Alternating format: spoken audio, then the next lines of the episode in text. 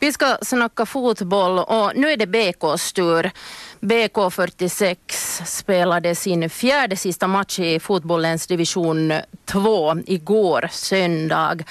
Och det blev ingen seger för BK den här gången heller kan vi konstatera. Matchen mot HJS slutade 3-1 och då var det det här Tavastehuslaget som vann. Jag har ringt upp BK46 lagledare Kjell Dahlberg. God morgon, god morgon. Ja, god morgon. Det gick inte riktigt vägen för BK den här gången heller kan man säga.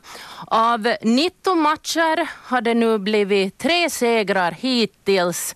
Vad var det igår som inte riktigt blev som det skulle i matchen mot HIS? Ja, matchen var ungefär så, man kan säga det, en repris av hela, hela säsongen liksom att, att eh, deras tre mål i första halvleken kom på våra personliga grova misstag, personliga misstag liksom, på det sättet. Och, och direkt så blir det farliga situationer sen utav de där misstagen. Och de har gjort sina tre mål på det, på det sättet. Och vi hade våra lägen i första halvleken och framförallt andra halvleken spelade vi väldigt, väldigt bra och det, men vi får inte mål sen på de våra lägen igen. Mm. Det är lite så som det har varit precis hela säsongen. Vad handlade då de här misstagen om den här gången? No, missa bollen, dåliga beslut uh, och felpassningar delvis och så här så, som sen gör att det blir ett, du gör ett misstag och sen är det alltid svårt när de slår emot sen när man är själv på väg framåt. Så mm. öppnar det ganska bra för deras motståndarnas motanfall.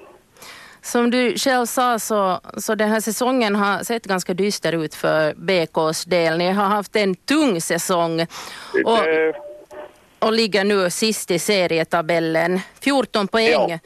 Vad är det som har hänt? Det är svårt att säga förstås. Spelar anskaffning, materialet, spelarmaterial är inte något fel på men kanske det finns det vissa spelartyper som saknas i år som vi kanske har lyckats ha tidigare år.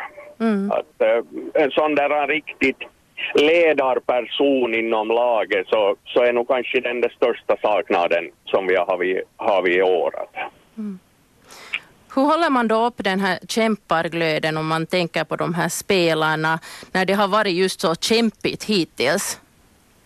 No det, det är ju inte det där lättaste för det är ju alltid att lyckade resultat så, så hämtar automatiskt en bra stämning och så här att eh, nu vi försök, har ju försökt med alla möjliga sätt att hålla en bra stämning och vi inte har det varit träningsmässigt och så här så stämningen är riktigt bra. Att inte har det varit på det sättet ett problem men vad det nu sen händer i matcherna riktigt så det, det är svårt att säga att det, mm. det, det mera mellan öronen kanske än kunnande. Att, Finns det då i, i det här läget en, en risk att spelarna ger upp helt enkelt?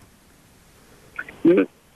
No, inte vet jag ger upp, men det är nog alltid det där när det är motigt så det blir en sån där liten snöbollseffekt att du är, blir lite rädd att göra, göra misstag och blir man rädd för att göra misstag så är det svårt att lyckas också. Att det, det blir det där att du spelar lite spänd hela tiden och, och det